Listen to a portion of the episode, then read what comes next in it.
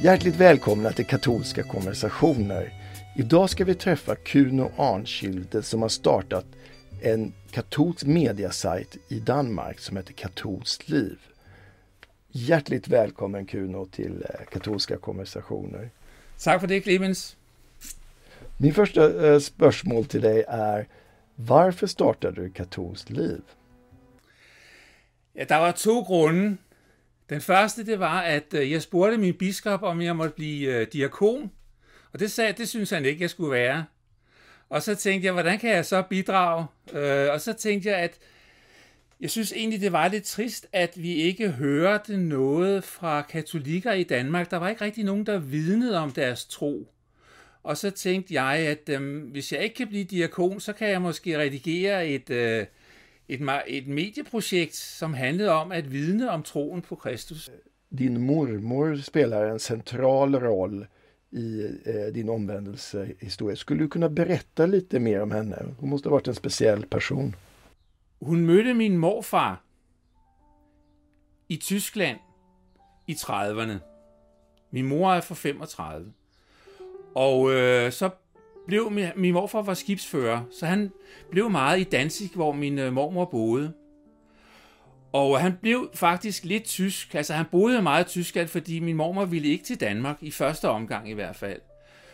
Og så da krigen kom, så ville nazisterne have, at min morfar skulle sejle for dem.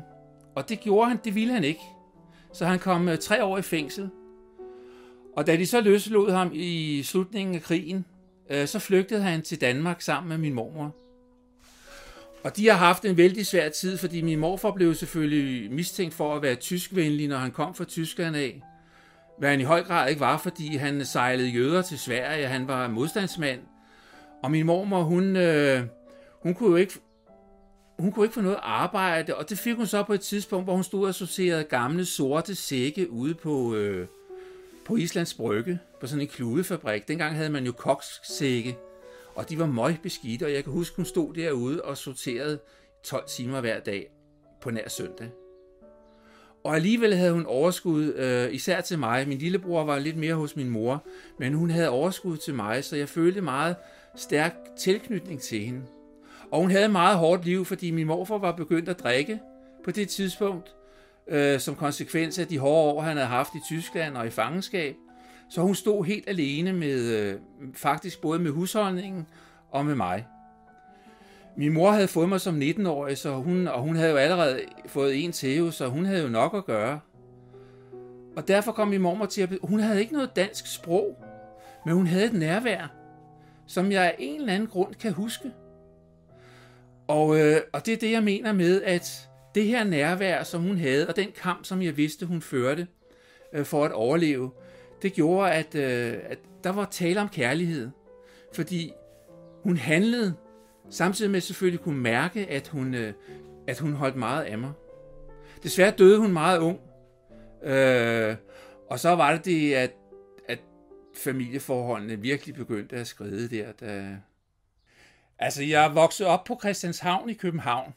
Øh, dengang baggård var almindelig, ikke? Opvokset i dysfunktionelle rammer, og mine forældre de kunne ikke rigtig give mere, end de selv havde modtaget. Og så gik jeg i katolsk skole dengang i 60'erne, hvor øh, øretæver for lærerne var hverdagskost. Men gudskelov ikke for præsterne og nonnerne, som forsøgte at øh, skærme min bror og mig for de her voldelige overgreb fra de sekulære lærere. Og øh, så var jeg messedreng, og det betød meget for mig, fordi jeg havde den her voldsomme baggrund i øh, mit hjem. Der var jeg som messedreng ministrant i mange år ved Sankt Anne Kirke på Amager. Og så det, at jeg kunne gå hen i kirken og bede trinbøn på latin sammen med Pater Huber og Pater Leo og Pater Adams. Det var vældig vigtigt for mig at have kirken på det tidspunkt. Det betød jo noget for sådan en otteårig dreng der, at kunne tale latin. Det, altså det, var, det var vigtigt, fordi at der var jeg ligesom noget, fordi præsten ventede jo på, at jeg skulle svare. Og der var jeg i en relation igen med præsten der. Og der kom der sådan en følelse af, oha, jeg betyder noget. Det er ikke kun ulykke det hele. Det, det man lærer som barn, det følger en resten af livet. Men den dysfunktionelle baggrund, altså når man fratager et barn en ordentlig opvækst, så får det nogle konsekvenser på et tidspunkt. Og det gjorde det også for mig, da jeg blev i teenageårene. Jeg begyndte at drikke meget. Jeg øh, blev faktisk alkoholiker. Og øh, det var først som 29-årig, fordi jeg mødte øh, et fællesskab, øh, hvor jeg blev ædru øh, der som 29-årig. Så fra jeg var 14-15 år, der holdt jeg op med at gå i kirke, holdt op med at ministrere, og så havde jeg det her misbrug i, i 10-15 år. Men da jeg mødte det her fællesskab, så begyndte jeg at blive ædru. Efter et år blev jeg ædru faktisk, og så øh, mødte jeg min kone, og øh, jeg blev gift på Rådhuset, fordi jeg havde stadig ikke nogen forbindelse til kirken. Så blev vi gift på Københavns Rådhus, og vi købte et rækkehus, hvad der var helt skørt, fordi det havde vi slet ikke penge til. Men vi købte et rækkehus, og så fik vi to børn.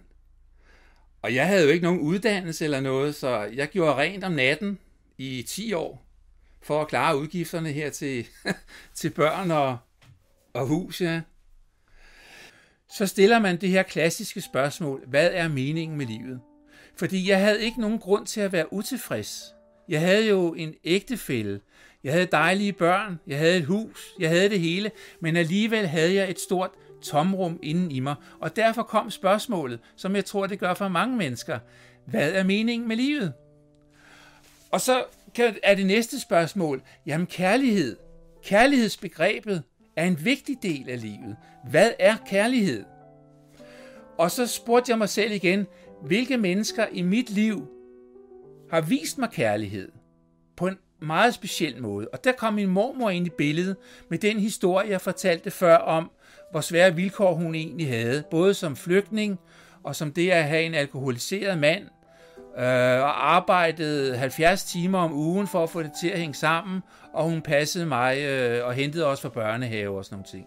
Så hun, gennem sine gerninger, gennem det, at hun var der, så viste hun mig kærlighed. Og det må hun have gjort, fordi det var hende, der poppede op i mit sind, selvom jeg, hun har aldrig kunnet et ord dansk. Men hun var der. Hun handlede. Hun gjorde, hun samlede op. Og det var derfor, at det var blevet for mig et symbol på kærlighed. Og derfor tillod jeg mig så at spørge hende, selvom hun var død, Kære mormor, hvad vil du have, jeg skal gøre for at gengælde din kærlighed? Og det svar, som jeg fik, og det er jo selvfølgelig en indbildning, men det var noget, jeg kunne mærke, det var, at hun sagde til mig, hvis du vil gengælde min kærlighed, du behøver det ikke, fordi sådan er kærlighedens væsen, den skal ikke gengældes. Men hvis du vil, så skal du lade mine oldebørn, så skal du lade dine børn døbe. Og det var, det var meget over, det var mærkeligt for mig, fordi jeg havde jo været tæt på kirken som dreng, og nu sad jeg der som 35-40-årig og skulle lige pludselig tilbage til kirken igen. Det kunne jeg slet ikke forestille mig. Men når kærlighed er en sand bevæger, så bliver jeg også nødt til at efterkomme det. Og jeg ville efterkomme min mormors ønske, så derfor begyndte vi at gå til undervisning i en katolsk kirke i Hillerød, og efter et par år, så blev børnene døbt. Og det var i forbindelse med de her undervisning, hvor der var messepligt bagefter til børnene, så deltog forældrene også, at jeg lige pludselig fik sådan en déjà vu fra dengang, jeg selv var messedreng. Og så kom alt det tilbage, som jeg havde lært som dreng. Og det fortæller mig selvfølgelig også noget om, hvor vigtigt det er at undervise børn øh, i kristendommen, i kristentroen, øh, som jeg foretrækker at kalde det, i kristentroen, for de er helt små, fordi det, de lærer som små, det er det, der kan redde deres liv senere hen i tilværelsen. Fordi det var det, der skete for mig. Det var en refleksion over det, som jeg havde oplevet i kirken som ministrant gennem 10 år. Men jeg var ikke rigtig kommet tilbage. Altså, jeg havde ikke den her dybe tro. Og der skulle gå endnu 10 år, før jeg fik det, jeg vil kalde en dyb tro. Men det fik jeg også på en meget voldsom måde egentlig. Fordi jeg kan huske, at jeg kom ind i et af de her tomrum igen. Efter 10 år. Et åndeligt tomrum. Og så sad jeg og læste i Bibelen en dag. Jeg læste øh, historien fra, eller fortællingen fra evangeliet omkring Jesus i Gethsemane have, hvor han tager ud sammen med sine venner med disciplene der og beder dem våge sammen med ham. Og øh, så går han ud for at tale med sin far, hvor han beder dem om at lade det her bære, han ved jo, hvad der skal ske dagen efter, han beder dem jo om at lade det her bære gå ham forbi. Og han får ikke noget svar fra sin far. Og øhm, Hans venner er faldet i søvn. Og så tænkte jeg, den her enorme ensomhed, som Kristus må have følt i det øjeblik, at den kunne jeg lige pludselig identificere mig med. Og identifikationen gjorde, altså tårne begyndte at løbe ned ad kinderne på mig faktisk, fordi jeg følte ligesom, at, at der var nogen, der forstod mig. Og jeg forstod i hvert fald ham, fordi vi havde faktisk den samme oplevelse af ensomhed. Midt i alt det, at vi havde omgivet af familie og venner. Da identifikationen var der med Kristus, jeg kunne mærke, jeg kunne føle med ham, så begyndte jeg også at drømme om ham. Og nu går det hen og bliver lidt skørt, fordi de drømme, jeg havde, der drømte jeg, at jeg gik igennem, vi gik hånd i hånd. Og så gik vi igennem kornmarker i Jesu land, kalder jeg det, i hvert fald i Palæstina. Vi gik igennem store, smukke kornmarker. Og vi gik hånd i hånd, og vi kiggede hinanden ind i øjnene. Og jeg, det er lidt svært for mig at sige det, fordi jeg var forelsket i ham. og det er sjovt. Altså, den erfaring har selvfølgelig gjort, at han er blevet en del af mig. Så, så han er ikke noget, han er ikke noget, jeg kan vælge fra mere, for eksempel. Og så har jeg jo også fundet ud af, at, at kirken er jo ham. Så det betyder også for mig, at jeg har aldrig siden den dag, siden den periode med Kristi nærvær, har jeg aldrig haft reservationer over for kirken. Jeg kunne aldrig drømme om at melde mig ud af kirken, fordi præsterne gør et eller andet dumt. Det kan jeg ikke. Det kan jeg ikke. Fordi det kan man ikke, når der er tale om en kærlighedsrelation. Så kan man ikke melde sig ud, fordi så har der aldrig været kærlighed. Og det, var, og det er en meget, meget stærk, meget, meget stærk erfaring at have det. De her drømme har jeg ikke haft de sidste 10 år. Nu er der kærligheden tilbage, men den er også meget, meget... Forelskelsen er overstået, det er den. Men kærligheden er tilbage til ham. Og det betyder for eksempel, hvad betyder kærlighed så i den her sammenhæng? Det betyder, at når jeg svigter, hvis jeg ikke er en god katolik for eksempel, så tager jeg det ikke så højtidligt, fordi jeg har det vigtigste tilbage, og det er relationen til ham. Jeg ved, jeg kan altid vende mig til ham, selv når jeg har det dårligt, eller ikke går i kirke om søndagen, så ved jeg, at han alligevel er der. Og den her tætte øh, tilknytning til ham, den er helt formidabel, altså. Det er ikke noget, jeg taler særlig meget om, fordi at øh, det er der bare. Har, har de här upplevelserna, den här fördjupade øh, gudsrelationen förändrat någonting i din syn på dina föräldrar och din uppväxt och din relation eh, till dem? Ja, altså, men det har det gjort i forbindelse med et andet forhold. Fordi i den her anden periode, i den sidste periode, jeg havde af mørke i mit liv, der gik det op for mig, at konsekvenserne af at være et voksen barn, altså være vokset op i dysfunktionelle rammer, de forfølger et menneske hele livet, hvis man ikke får gjort op med det. Og der var jeg så heldig at komme i et fællesskab med andre voksne børn, hvor vi øh, fik talt smerten igennem ved at have været barn, ved at have været et forsømt barn.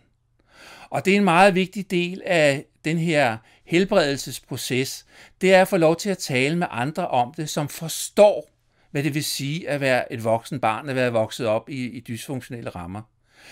Så kombinationen af, at jeg havde det her fællesskab med andre voksne børn, og så havde jeg også Kristus ved siden af. Det gjorde for eksempel, at tilgivelsesprocessen over for alle de voksne, som svigtede, da jeg var dreng, den var relativt enkel. Fordi Jamen det er igen noget med kærlighed at gøre, fordi når man er i en kærlighedsrelation, så er den vigtigere end alt andet. Kærlighedsrelationen er vigtigere end for eksempel hadet eller uviljen over for andre mennesker. Fordi det gik jo også op for mig, at de mennesker, som jeg var iblandt på min skole for eksempel, det var syge mennesker, fordi ellers ville de her lærere ikke have opført sig på den her måde. Og min mor og far, de kunne jo ikke give mere, end hvad de selv havde fået.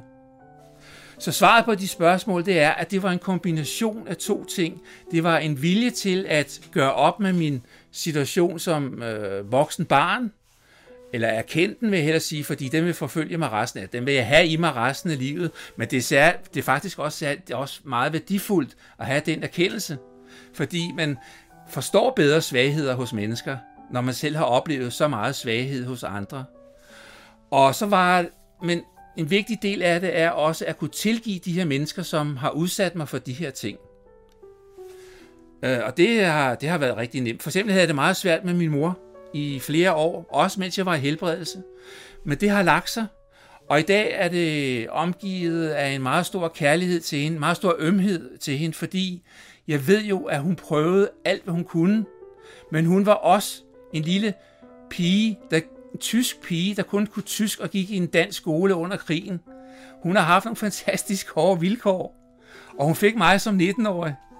Så når jeg tænker det igennem og er rationel, så kan jeg jo godt se, at hun gjorde jo alle de ting. Eller jeg kan huske, når jeg var, da jeg var meget syg af al den her alkoholisme, hvordan hun kom med madposer til mig, når hun vidste, at jeg lå øh, på min seng og var dårlig, så kom hun. Så når jeg tænker det rigtigt igennem, så kommer jeg ud over følelserne omkring overfor hende, fordi jeg kan forstå hende i dag. Det kunne jeg ikke dengang, da jeg sad midt i det hele. Og de flygtede jo fra Tyskland af, og så kom hun til at gå på en dansk skole ude i, øh, i på Amager, på Frankrig, i Frankrigsgade. Og de var jo rigtig meget efter hende, fordi hun kun talte tysk. Og min far, som øh, også gik på den skole, han forsvarede hende. Øh, og det var nok en af grundene til, at de også blev gift. Han var så ikke rigtig klog alligevel, fordi da min mor skulle have min lillebror et år efter, så, så skred han til Fremmelegionen. Hun var gravid med min lillebror, da han, han sagde, at han skulle ned til bageren en søndag, og så kom han tilbage fem år efter. Men der ville min mor jo ikke have ham. Der ville hun jo ikke have ham. Der havde hun giftet sig igen. Så øh, det har været en, det har været en rodet tid. Och hur, lång, hur långt efter den här sista stora andliga upplevelsen som du hade kom eh, att du startade katolskt liv? Jamen, så skete der jo det, at der i hver tusindskiftet, der var jeg på et museum, der var jeg på Louisiana som udstillingstekniker, og jeg blev grebet af kunst og begyndte at tænke, jamen, jeg har jo ikke nogen uddannelse. Det kunne være, at jeg skulle få en uddannelse. Så begyndte jeg at læse kunsthistorie på universitetet. Men der fandt jeg ud af, at der var jeg allerede for gammel til at, øh, til at nogensinde få arbejde som kunsthistoriker. Så jeg tog en kortere uddannelse, en kort videregående uddannelse som multimediedesigner på Erhvervsakademiet i Hillerød. Og den, den bestod jeg. Og øh, så skulle jeg lave et eksamensprojekt. Og jeg undrede mig over, at den katolske kirke i Danmark ikke havde nogen hjemmeside. Altså jo, den havde begyndende hjemmeside, men ellers var det totalt fraværende på nettet. Og så spurgte jeg den daværende redaktør af katolsk orientering, om jeg måtte lave som eksamensprojekt, lave en hjemmeside til øh, katolsk magasin, som kun udkom som, som trygt avis hver 14. dag. Og det sagde Alden Tidemand ja til. Og i forbindelse med det eksamensprojekt, der kom jeg så også ind over hovedkatolsk side, øh, katolsk.dk, og lavede den og den fik en fantastisk anmeldelse, eller anmeldelse i Kristi Dagblad. Så tænker jeg, jamen det her, det er jo noget, jeg kan. Og øh, så havde jeg forskellige jobs i, i en årrække, indtil jeg endelig kunne øh, gå på efterløn. Og så fik jeg lige pludselig mulighed for jo at lave det, som jeg egentlig elsker. Det er at fotografere, skrive og lave video. Og jeg undrer mig stadigvæk over 10 år efter, at den katolske kirke i Danmark ikke var synlig på internettet. Og jeg kunne ikke forstå, hvorfor der ikke var nogen katolikker, som vidnede om deres tro, som fortalte om den smukke kirke. Jeg var jo godt klar over, at der i samme periode havde været en masse misbrugssager i kirken. Og det er vi alle sammen ulykkelige over. Men den katolske kirke er så meget mere end de her misbrugssager. Og dem skal der selvfølgelig tages hånd om. Men der er også meget skønhed. Der er mere skønhed i kirken, end der er misbrug. Så du kan se, hvor, hvor vi starter hen. Ikke? Vi starter frem på mange måder på, på år 0, og skal bygge det hele op igen. Men altså, jeg tror meget på, også på det der med, har jeg hørt mange gange, at øh, hvis Herren ikke bygger huset, bygger bygmesterne forgæves. Katolska konversationer, samtal om allt mellan himmel och jord.